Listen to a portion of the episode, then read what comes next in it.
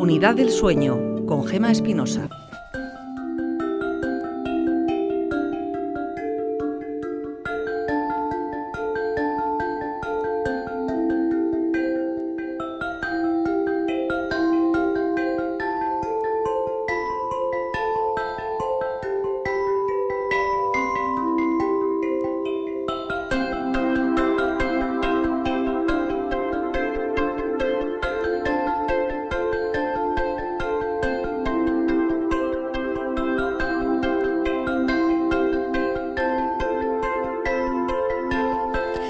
Bueno, ¿qué tal han dormido hoy? ¿Mal?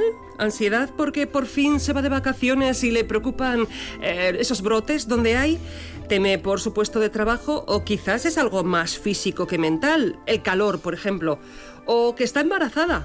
O que empieza con la menopausia. Hoy abordamos los problemas del sueño en la mujer y lo hacemos con nuestras dos mujeres invitadas, Carla Pía, Ainhoa Álvarez, miembros de ese equipo, fuerte equipo de la unidad del sueño de Osi Araba y además mujeres y además madres eh, y además muchas cosas para hablar hoy del tema de sueño y mujer, ¿verdad?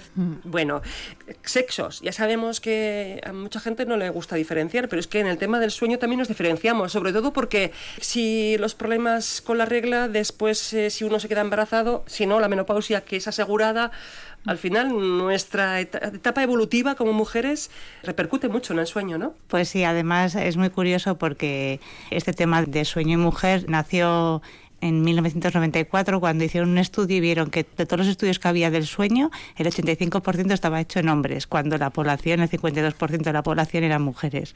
Y ahí empezó a decir, oye, algo estamos haciendo mal, nos estamos eh, centrando en una parte de la población y falta la otra, ¿no? Y empezaron a hacer estudios de sueño y estudios científicos en mujeres y vieron que hay diferencias y que marcan un poco que hay que tener en cuenta cuando viene a la consulta o cuando hablamos con una persona también su género, ¿no?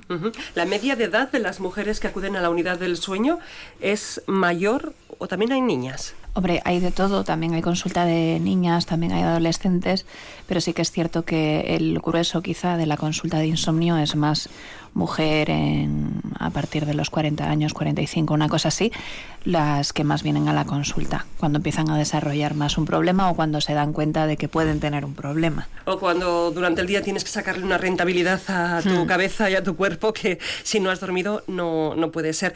En las dos, eh, aparte de profesionales de la materia, sois madres. Hmm. ¿Es la peor etapa esta en la que, en la que Carla, que ya conoces esta etapa por anteriores embarazos, ahora mismo que estás prácticamente ocho meses. ¿Es la peor etapa? Bueno, no es la mejor. Cuando naces peor, ¿no? Eh, claro, yo me imagino que los primeros meses, a ver, a ver si me toca uno de esos niños con suerte que duermen mucho desde el principio, pero la verdad es que el embarazo es una etapa más de muchísimos cambios en la que se duerme casi, casi inevitablemente peor. Además, estar embarazada en verano, pues bueno, debería de ser ilegal por lo menos. Que sí, no me extraña. Con, con el calor, las hormonas, luego se desarrollan una serie de de, síntomas durante el sueño en el embarazo que se hacen como un poco más incordio, ¿no? Y además hay algunos trastornos de sueño que a lo mejor tú previamente no los tienes y los desarrollas durante el embarazo, como por ejemplo las piernas inquietas. Entonces, mm, no es la mejor etapa pero bueno, tiene su recompensa al final, ¿no? Porque al final... Sí, sobre todo si te sale buen dormilón. Está claro. Eh, piernas inquietas, luego se pasa. Las piernas inquietas durante el embarazo son como un poco embarazo dependientes, dependen también de los niveles de hierro que tengas y demás, y luego se pueden pasar, sí. Otra cosa es que tú ya lo tengas de serie y durante el embarazo se te haga un poquito peor. Claro. Eh, Ainhoa, tú tienes larga experiencia en esto de los embarazos. Eh, ninguno es igual del otro a la hora de dormir, me refiero. Pues no, pero sí que sigue una guía, ¿no? Al principio, el primer trimestre del embarazo, te mueres de sueño. La verdad es que la fisiología es la misma, ¿eh? que es que hay mucha fragmentación durante todo el embarazo del sueño y entonces como se fragmenta el sueño, pues en los primeros tres meses lo que notas es que te duermes en todos los rincones, luego en el segundo trimestre te deja un poco de tregua y ya en el tercero, en el que está ya Carla, pues eh, lo que más se tiene es insomnio, ¿no? Sobre todo ya no solamente por la fragmentación del sueño, sino además, pues eso, el volumen, ¿no? Que tienes, los movimientos del feto, todo eso hace que duermas peor, que te haces más pis y vas, te levantas varias veces de la cama, pues todo eso hace que, que, tengas un insomnio que luego eh, es una época que ya está demostrado que se duerme menos en la mujer y que luego sigue en los primeros meses de, de nacer el niño. no se acaba todo con el parto. Bueno, tú dices que, que, hay una etapa que se duerme peor, pero eh, en la calle, en nuestra compañera Enar Neira ha preguntado a mujeres embarazadas o que acaban de tener un bebé y esto es lo que nos decían. ¿Cómo llevas las horas de sueño durante el embarazo?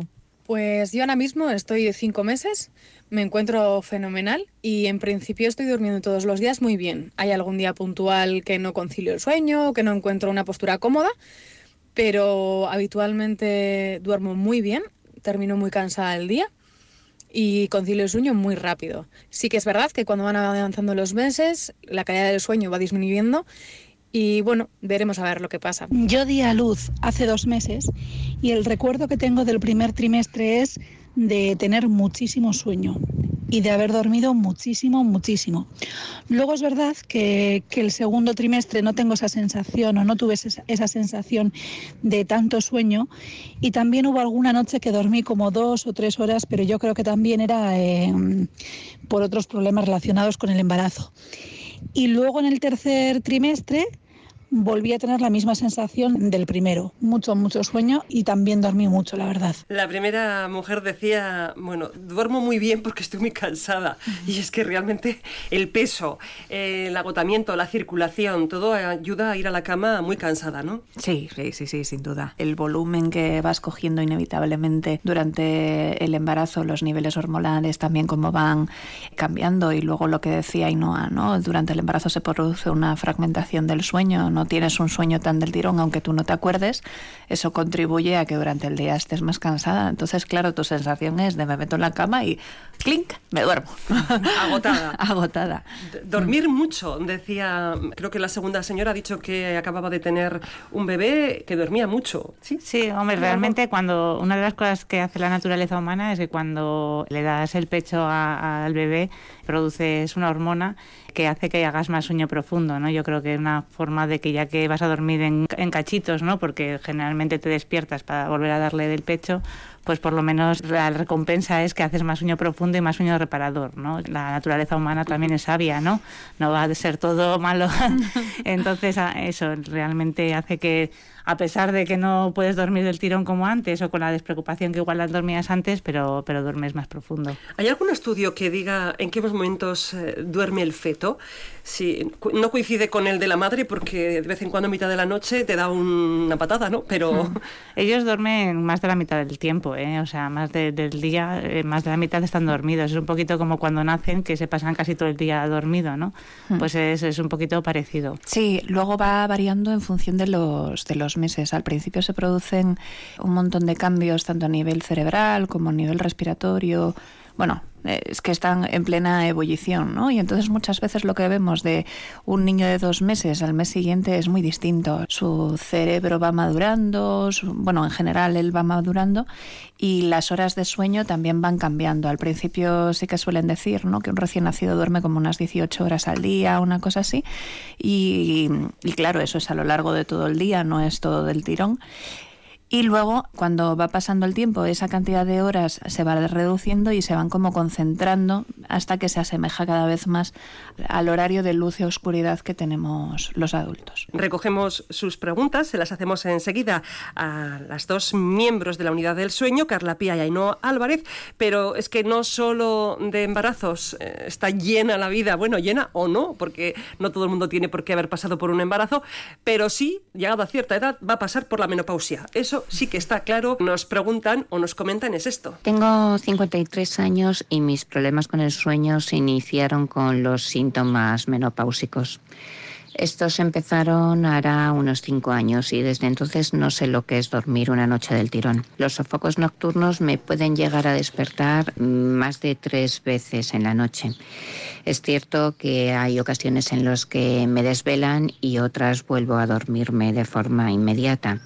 Entonces yo querría saber si existe alguna solución que no sea farmacológica para mi problema y también saber si puede tener alguna consecuencia al llevar tantos años sin dormir de una forma placentera, no ya las ocho horas que recomiendan los médicos, sino con seis me daría por satisfecha.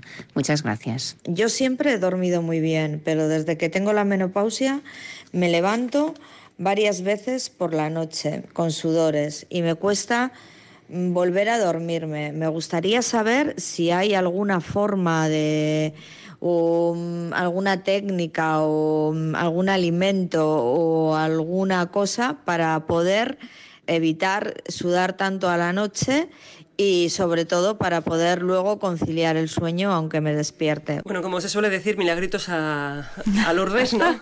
que no sé ni si los hay, pero realmente lo de alimentos que eviten los sudores por la noche, ¿existen? Yo diría que alimentos que eviten el sudor, no. Hay alimentos que te pueden favorecer el sueño. Lo que pasa que en la menopausia los sofocos no es que no sean evitables, pero sí que es cierto que están muy relacionados con los problemas de sueño, porque al final tú para iniciar el sueño fisiológicamente necesitas que tu temperatura corporal baje, no solamente que se haga de noche, sino que también tu temperatura baje. Entonces lo suyo sería intentar en un primer momento que la habitación en, en la que dormimos esté lo más fresca posible. Recuerdo que hablábamos con el doctor Egea de colchones inteligentes, a ver si, si se fabrican que pongan frío, ¿no? Para intentar... Equilibren la temperatura. Claro, para equilibrar la temperatura, que ya no sea el me asomo a la ventana, saco medio cuerpo de fuera y me pongo a respirar como una loca a ver si esto se pasa. Despierto toda la casa. claro. Y bueno, sí que hay algunos alimentos que es eso, que te ayudan a iniciar el sueño, ¿no? El vasito de leche calentita y tal. Pero no lo de los...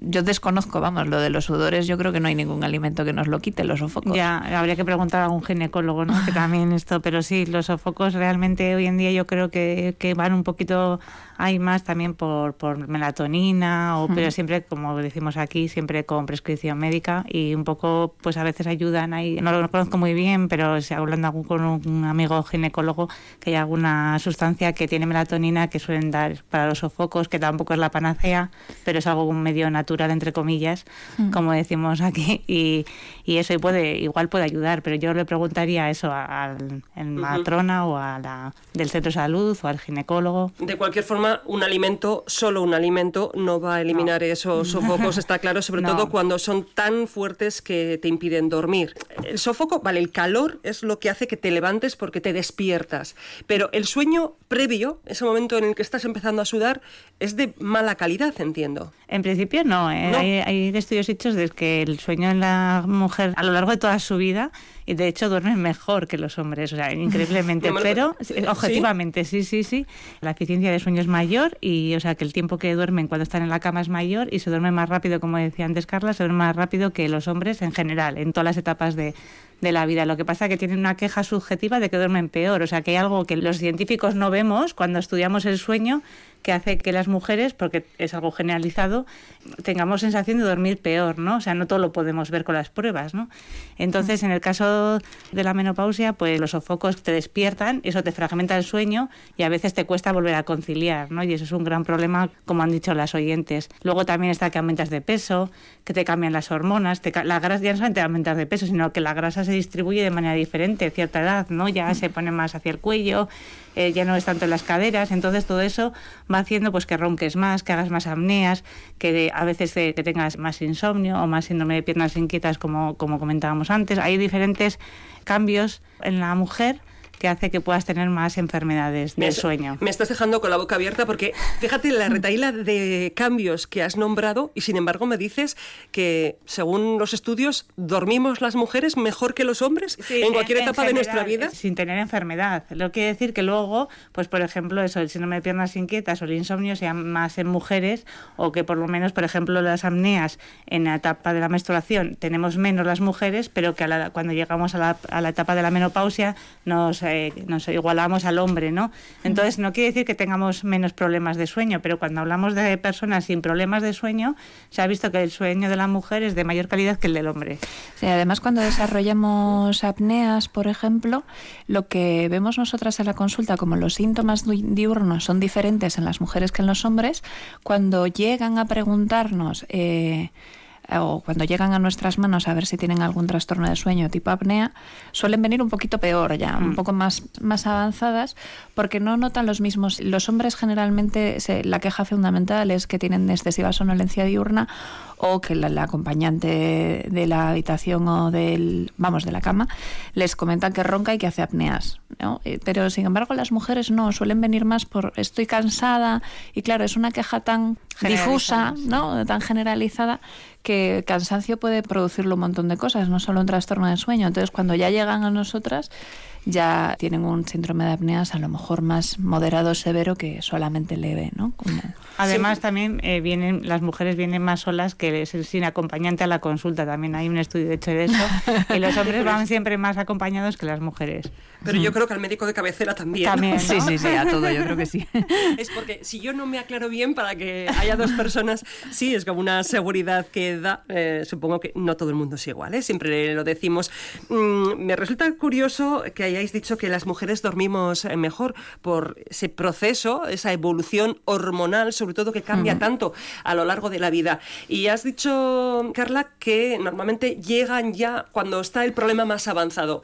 Siempre le recordamos que un problema de sueño es cuando se repite tres meses. Hmm. Que, eh, bueno, porque estés una semana, que lleves una semana mal, tampoco va a pasar nada, pero ya tres meses empezaría uno a plantearse la posibilidad de acudir al médico, a la unidad em, del sueño. Cuando llegan a la unidad del sueño mujeres, entiendo que es, ya, hemos comentado, de una edad más avanzada. Mm. Eh, ¿Con qué problema? Porque uno asume que la menopausia es ley de vida, que te va a tocar y que asumes los sudores, los sofocos o lo que te venga.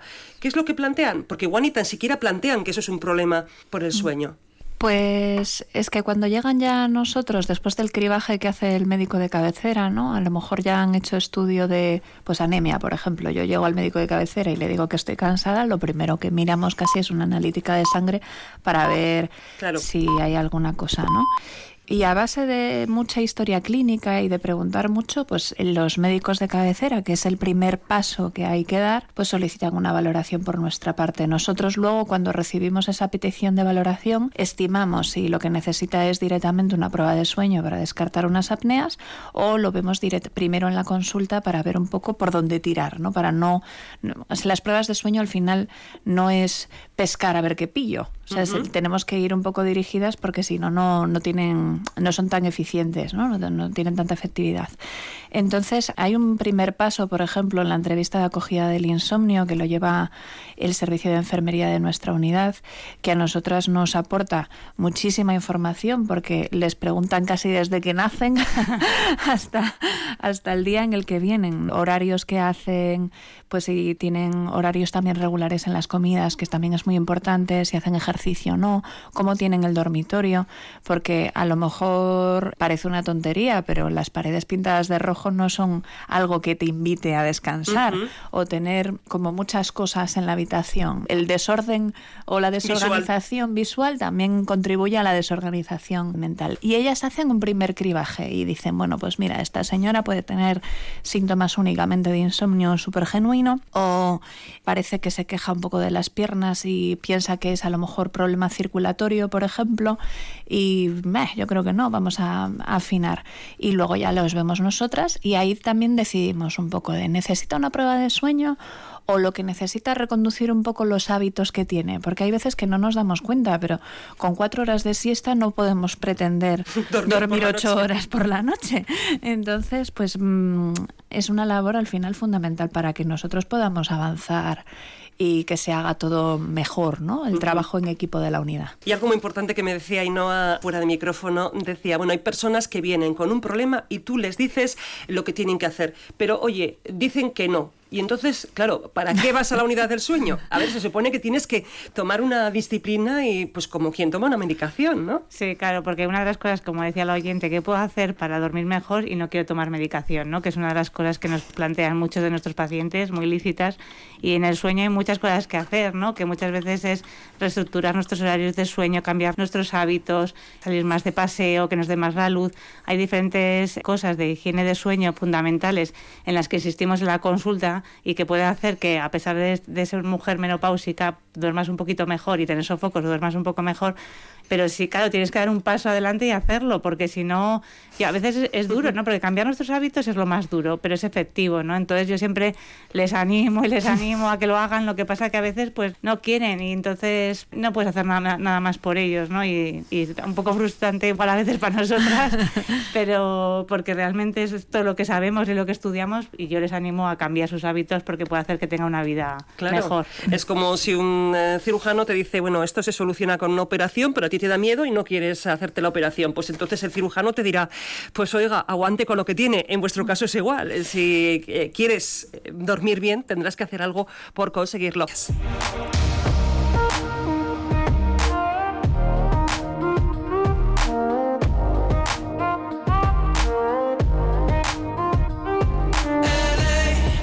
Saturday in the summer. Sundown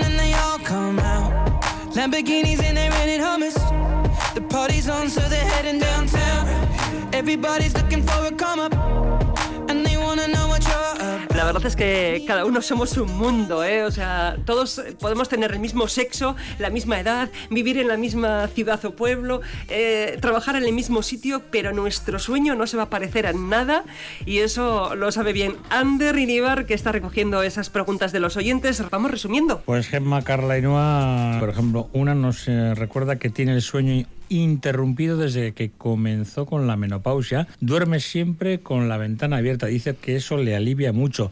Y dice que esto ya parece que se le ha quedado como crónico. Nos apunta además que embarazada de su cuarto hijo, para ella ya dormir se ha convertido en un lujo y no sabe cuándo espera poder volver a dormir del tirón. Yo creo que Ainhoa se siente muy representada porque lo de los cuatro hijos lo conoces bien. Eh, yo no entiendo cómo en el cuarto dice tiene el problema porque ya para cuidar de los otros tres por la noche tiene que ser un mal dormir impresionante. Lo de la ventana abierta dice que le funciona, le funciona, bueno, supongo que será porque le airea, porque Sí, o le baja un poco la temperatura del cuarto, ¿no? Y hace que los sofocos pues le sean menos frecuentes. Entonces puede ser eso, ¿no? Porque a veces la temperatura, como hemos comentado muchas veces, es fundamental también para el sueño. Entonces puede Eh, ser que le ayude. grados- Pues entre 20 más o menos. Hay algún artículo que dice 21, 19, 21, unos 20, 21. Depende de cada persona también, claro. Aquí hay, es todo, ¿no? Hay gente que siempre se tapa, gente que nunca. Hay todo. hay Es un como lo mito. de nórdico sí o no, que yo prefiero tener algo que pese. Sí, es, es cierto, eso también hay mucha diferencia. Sí, ¿eh? sí, sí. Yo prefiero ir quitándome capas porque a veces digo, el nórdico o tienes mucho calor o a veces tienes mucho frío.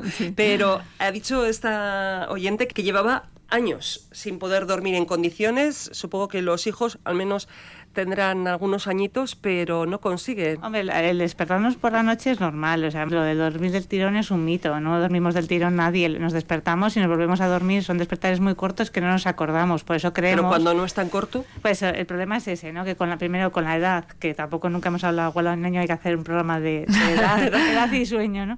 Con la edad los despertares son más largos y nos acordamos más y luego encima pues con los cambios y, y la fragmentación que hemos hablado del sueño en el embarazo, el que los despertamos más en la menopausia, pues todo eso hace que realmente pues eso tengamos esa sensación de sueño fragmentado. ¿Qué es lo importante? Pues lo importante primero es cómo nos sintamos durante el día, aunque nos despertemos varias veces y durante el día estamos bien, pues bueno, tranquilidad porque estamos durmiendo más o menos bien. Y si no, pues tenemos que acudir a, las técnicas más de higiene de sueño, incluso cambios de conductuales que, que hemos hablado a veces en el insomnio para hacer más sueño de, de calidad, ¿no? Y nunca pensando en llegar a las ocho horas, como decía otro oyente, sino que cada una las suficientes para estar bien, que pueden ser seis. menos de seis no. Hombre, Eso menos de siempre hemos seis, dicho entre mm. 6 y 9. Eso es. Entre 6 y 9. Y además uno lo nota cuando no ha dormido. Vamos con más preguntas, Ander. Sí, la sensación de estar siempre cansada, además de los sofocos de la menopausia. Dice que no descansa nunca bien, que el médico nos apunta, parece que no le hace mucho caso cuando le cuenta todo esto y que esto le está pasando ya desde hace mucho tiempo, que siempre además se levanta todos los días con un dolor de cabeza que poco a poco se le va pasando. Levantarse con un dolor de cabeza. Eso podríamos valorar, porque hay veces que la cefalea matutina está relacionada con una hipoventilación ¿no? nocturna. Es decir, que puede ser el caso que no estemos con los niveles de oxígeno adecuados durante toda la noche y estemos haciendo alguna apnea además y que por eso nos duela la cabeza.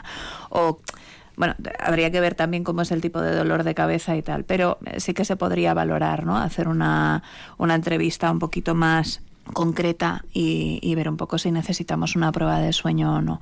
Porque lo que decía antes, no, a partir de cierta edad la grasa se nos redistribuye, se nos coloca más al nivel del cuello y hay que pensar que nosotros tenemos un tubo que va desde la nariz y la boca a los pulmones y ese tubo cuando se produce una apnea lo que pasa es que se cierra, ¿no? Entonces todo lo que esté alrededor del tubo que contribuya a que eso se cierre va a favorecer la aparición de apneas y el peso es una de las cosas fundamentales. Yo creo que siempre lo comentamos y en este caso a partir de la menopausia, como es en el cuello donde se nos acumula algo de grasilla, pues eh, puede ser que ese dolor de cabeza esté relacionado con que hagamos alguna apnea más por la noche, que no quiere decir que esta mujer esté haciendo apneas. ¿eh? bueno, pero sí que igual sí le recomendaríamos que, pidiese cita quizás en su médico de cabecera, ese que no le hace mucho caso, que dijese, bueno, por si acaso quiero pedir una cita en la unidad del sueño. Puede ser, sí, yo creo que sobre todo ese aumentado de peso con la menopausia y el sueño está más fragmentado y el dolor de cabeza, pues igual no estaría de más. Luego habría que preguntar si duerme acompañada o no y si la acompañante se entera si ronca o no. Y bueno, para hacer una historia un poquito más profunda, a ver si realmente podría tener un, o, si tiene quizás sueño. otro problema respiratorio, porque si dices, claro, si yo pierdo oxígeno durante la noche porque no respiro bien por una apnea, pero también puede ser por otra enfermedad, a veces recordamos que eh, los problemas del sueño pueden venir por otra enfermedad y al revés, eh, el problema del sueño es el que puede provocar otra enfermedad. En ese caso, habría que mirar también otras posibles enfermedades. Sí, pero suele haber otros síntomas igual más diurnos, no, no tan nocturnos. Yo primero descartaría lo más probable que sería la apnea del sueño. Sí, en este caso. si relincha como un caballo y tiene pinta de caballo, malo será que sea una cebra. Bueno, pues eh, esta señora recuerde que lo de levantarse con dolor de cabeza mm, todos los días o muchos días tampoco es normal. ¿no? No, no, no. Y puede ser eso un signo de, tener apneas del sueño. Entonces, yo, yo sí que consultaría otra vez a su médico y eso, un poco lo que decíamos, que a veces como el cansancio está un poco específico para un médico, ¿no? Porque, bueno, en otros eh, dicen fatiga, o, pero es como... Anemia, como decía Carla. Hay muchas cosas, el tiroides, hay muchas cosas que mirar que, que, eh, no tiene por qué ser siempre ni sueño, ni siempre, pero a veces pues con tantos esos síntomas tan poco específicos pues nos perdemos un poco los médicos, ¿no? Entonces tenemos que insistir para que volvamos ahí a hacer una buena historia Conocemos muy pocos datos de esta señora, por eso esto no lo consideramos una consulta, pero sí una orientación. Nos dice otra oyente que a ella sí que le hace caso al médico de cabecera, pero le dice que todo es normal, que no se preocupe y lo que le dice que es normal es que lleve ya cinco años, no tiene ningún problema con la menopausia, pero que lleva cinco años en que duerme mal, se despierta mucho y le cuesta volver a conciliar el sueño. Yo que mm, estoy aprendiendo mucho con este espacio, creo que como todos los oyentes le preguntaría, sí, pero durante el día está usted cansada sí. Sería la pregunta. ¿Duerme siesta? Exactamente. ¿Está cansada o no? Claro. está cansada o no. Tiene problemas de, pues se nota irritable o no se nota irritable. Tiene más tendencia al llanto a lo mejor o está más tristona. Es, son más cosas, ¿no? El sueño, para diagnosticar a una persona de un trastorno de sueño, el trastorno de sueño no es solamente síntomas nocturnos, sino también diurnos, ¿no? Te tiene que repercutir en, en la vida diaria de alguna manera. Y luego insistir mucho en que al final las horas de sueño que dormimos cuentan las de todo el día, no solo las de la noche. Eso es importante, porque hay veces que hacemos como microsueños y a Ainhoa le gusta mucho comparar el sueño con la dieta.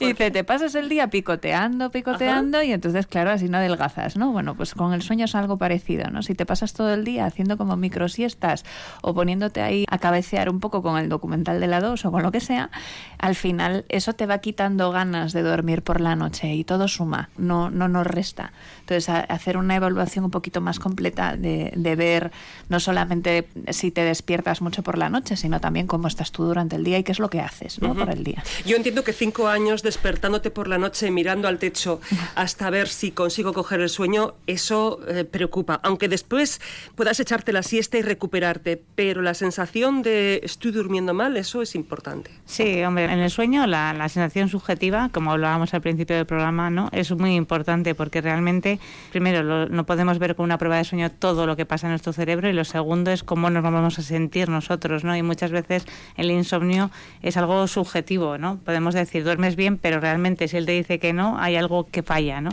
Entonces es muy importante cómo uno lo sienta. Lo que pasa que sí que es verdad que lo que también hablábamos antes, que si tú reorganizas un poco tus horarios, a veces consigues tener ese sueño reparador, ¿no? Picotear menos eh, y empezar de nuevo, porque claro, si has dormido mal, al final picoteas, no te queda más remedio. Ander. Estando embarazada en el primer trimestre de su embarazo, desgraciadamente falleció su madre. A partir de entonces fue además una enfermedad larga de su madre, dos años en el hospital, pues dice que empezó ya a dormir con ataques de ansiedad.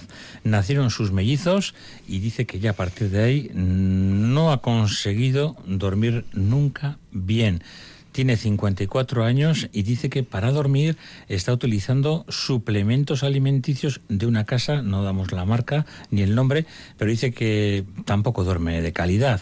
Hace ejercicio, tiene su habitación bien ordenada, que induce a la calma y no consigue un sueño placentero y largo y de calidad. Habla de los sofocos, nos recomienda también un medicamento acabado en nona, que dice que es muy, muy eficaz y dice que es aconsejado por casi todos los ginecólogos, pero no por todos. Eh, vale, algún ginecólogo puede recomendarlo. Medicación. Los profesionales de la unidad del sueño recomendamos esa medicación u otra. Para los sofocos.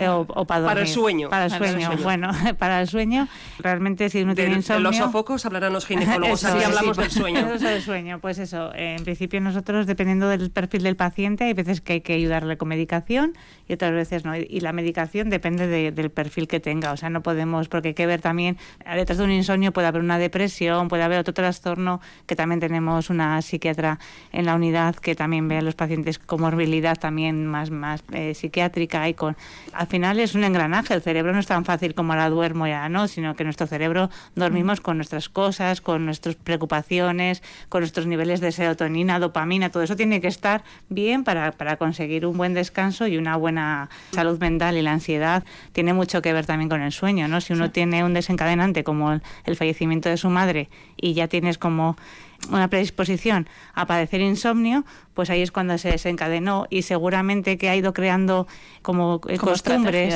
estrategias, que no son las adecuadas para dormir. Dice, tengo la habitación bien puesta, todo tranquilidad, pero igual desencadenante durante el embarazo, el fallecimiento de su madre, entiendo que en el parto con mellizos tampoco sería los primeros meses o años fáciles y de alguna manera su cuerpo se ha acostumbrado a un insomnio que ya es, hay, muchos años por medio, ¿no? al principio empiezas con una cosa aguda que puede ser secundaria a una situación de duelo, ¿no?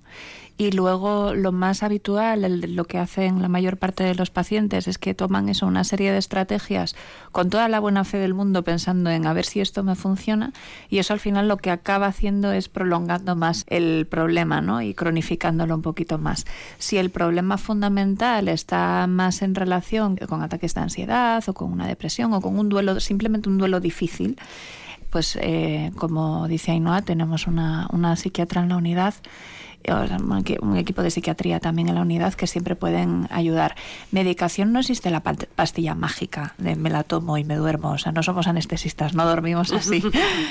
Pero viendo el perfil de cada uno, pues vamos ajustando un poco en función de a quién tenemos delante, de lo que necesitan. Y muchas veces es cierto que, como nos decía aquella señora, de sin contar con medicación, o sea que tú a lo mejor estás valorando a la persona que tienes delante y dice, no, pero yo una pastilla para dormir, tiene todavía ese, ese resquemorcillo de, mm, ay, tomo, parece que soy adicto a las pastillas y me las tomo para dormir. Las pastillas, lo decís habitualmente, no para toda la vida, es algo puntual hasta acostumbrar al cuerpo a un horario y a unas horas de sueño. Eso es para ayudar en un momento puntual a salir de un poco de, de, la situación y luego hay que retirarlas, ¿no? Porque no existe, ojalá existiese, si hubiese una pastilla maravillosa.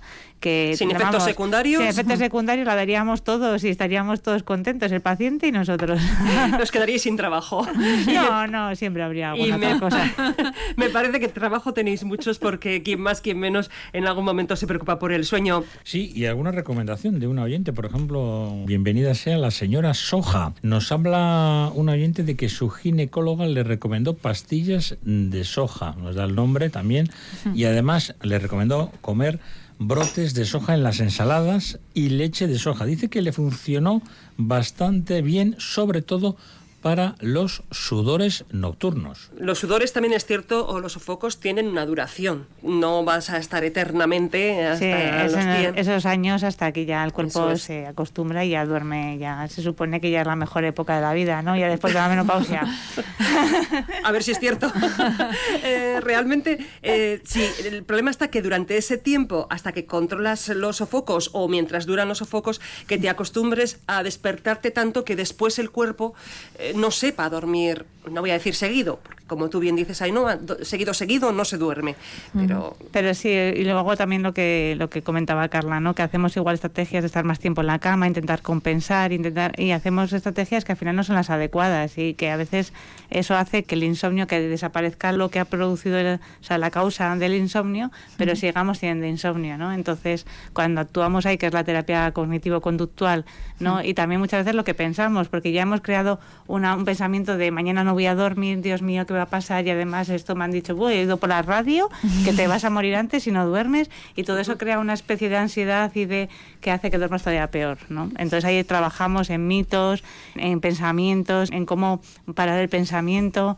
Hay muchas estrategias que nos pueden ayudar a, dormir mejor. Perfecto. Seguimos hablando de mujer eh, y sueño, pero los oyentes tienen cada uno su experiencia y nos eh, manda un mensaje una señora que ha pasado por la unidad del sueño. Cuenta su experiencia. Mira, hace unas semanas pasé la noche allí en la unidad del sueño. Bueno, esta semana ya me han dado el resultado, estuve hablando con el doctor Salvador, entonces, bueno, pues ya me estuvo contando eso. Claro, tengo también lo de las piernas inquietas. Entonces yo le comenté a ver a qué puede ser debido y me dijo que, claro, yo he tenido temporadas de mucha anemia y ahora me dijo, porque vio el análisis que había, que me habían hecho, vaya, el médico de cabecera y eso, de control, y entonces el depósito del hierro está bajo. Entonces me ha recomendado tomar otra vez hierro. ¿eh? Y lo que pasa es que a mí me despierta mucho los dolores que tengo musculares porque me duelen mucho las lumbares. Hoy, por ejemplo, aunque llevaba cinco horas y pico durmiendo solo, el dolor que tenía en las lumbares no me dejaba dormir. Claro, está el dolor de lumbares, dolor de cadera, sobre todo a ciertas edades, y ella dice, las piernas inquietas porque le dice el médico que ha pasado mucho tiempo con anemia. ¿Tiene que ver? Los depósitos de, de, hierro, los niveles que se llaman ferritina, en la analítica están muy relacionados con los síntomas de piernas inquietas. A veces tenemos unos niveles dentro del rango de la normalidad, pero seguimos teniendo piernas inquietas. Nosotros en las guías no tratamos esas piernas inquietas con hierro mirando si tus niveles están en lo normal o no. Digamos que nosotros lo tratamos para que estén normal tirando a alto, ¿no? Ah. porque hay muchas veces que no el, paciente no ve el asterisco este que te sale cuando tienes una cosa patológica en la analítica y tú les propones iniciar un tratamiento con hierro y te dicen, no, mira, aquí no hay asterisco. ¿no? incluso me he encontrado alguna vez con que yo pongo un tratamiento con hierro y luego es valorado el paciente por otro facultativo y dice, ah, pero si el hierro lo tienes bien y lo quita. No tratamos con hierro con intención de mejorar el depósito de hierro solamente, sino también con intención de tratar los síntomas, ¿no? que es lo más importante. Por eso, serían las piernas inquietas. Las piernas inquietas, una sensación como de desazón, desasosiego, más a, última hora de, la tarde y cuando nos metemos en la cama. Muchas veces hablan de hormiguillo, lo confunden mucho con el tema de varices, ¿no? De mala circulación. Mala circulación, se confunde mucho con eso. Cuando están en la cama, lo típico que hacen es buscar el frío con el pie, a ver dónde está la zona de la sábana un poquito más fría, o duermen venga con almohadas entre las piernas o debajo de las piernas, o a ver y tal. El no parar, el desasosiego ese es un poco el síntoma de piernas inquietas. Y se produce un trastorno cuando esto no te deja dormir, claro. O sea, si tú a lo mejor estás viendo la tele y no paras con las piernas, pues bueno, pero si ya tienes un problema de que no puedes conciliar el sueño, es ahí cuando nosotros lo tenemos que tratar. Hay gente que vive con los síntomas pero que luego duerme fenomenal. Entonces, pues no... Solo se entera quien duerme al lado y está todo el día notando las piernas inquietas. Entiendo que la anemia, la consecuencia puede ser las piernas inquietas, pero no el único motivo, ¿no? De piernas inquietas no, pero lo que ocurre es que hay una reducción de dopamina en el cerebro. Entonces, para formar dopamina hace falta hierro. Ese es el, como el, el, el, enlace con la dopamina. Entonces, hay veces que tienes el hierro bien y hay que dar otro fármaco para quitar la sensación dependiendo de cuánto te moleste. Y hay mucha gente que ha sufrido piernas inquietas durante toda su vida y nunca ha consultado al médico. Y cuando tú tienes un paciente y le preguntas, ¿tiene antecedentes familiares? No.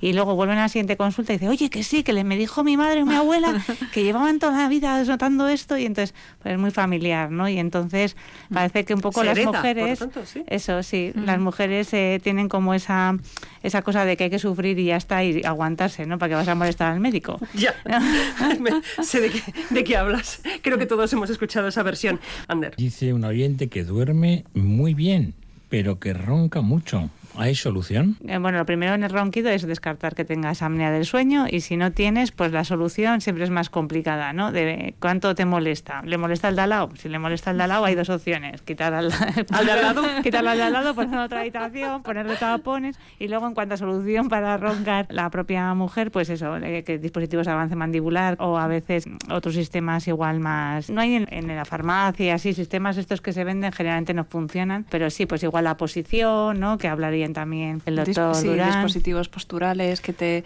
en vez de darte el codazo, Codazo. la pareja hay ahora algunos dispositivos que tú te los colocas y vibran cuando notan que tú estás boca arriba para cambiarte de posición, ¿no? Entonces si no tienes pareja pues es lo ideal. Sí, tienes que dormir siempre solo, es Sí, un impedimento, antes, pero... antes el- lo que hacía allá, eh, allá en los tiempos de Mari Castaña, que había gente que se pegaba como pe- con pelotas de tenis en el pijama en la parte de atrás de la espalda. cielo.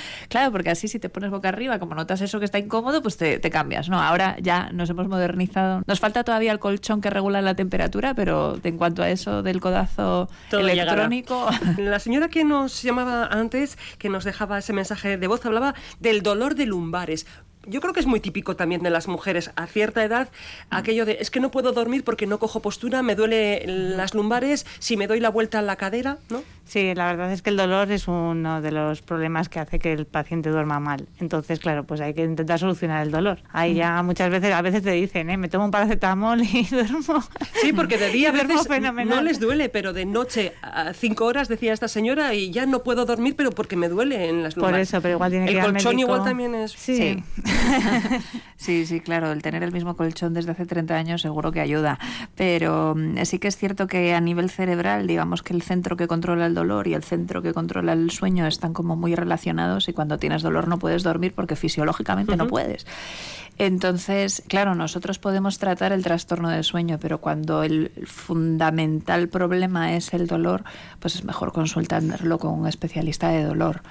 Hombre, siempre intentas, al final todos hemos estudiado medicina, lo que pasa que no somos expertos en la materia del dolor, pero sí que podemos dirigirlo un poquito y ver, oye, pues a lo mejor necesitas una consulta pues con la unidad del dolor o con traumatología o con lo que sea, pero siempre preferimos que sea una persona más experta, en este caso en las lumbares, por ejemplo, que valore el "Ay, esto tiene remedio o no o, o- o qué hacemos. Y un paracetamol puede estar bien, pero todos los días No, el paracetamol no, igual es mejor pensar en el Sí. colchón, ¿no? Que O eso, pero acudir al médico de atención primaria, ¿no? Y que te oriente un poco porque puede ser algo puntual o puede ser algo que hay que solucionar. pobres médicos de atención primaria. Sí, lo Si no sé, sí.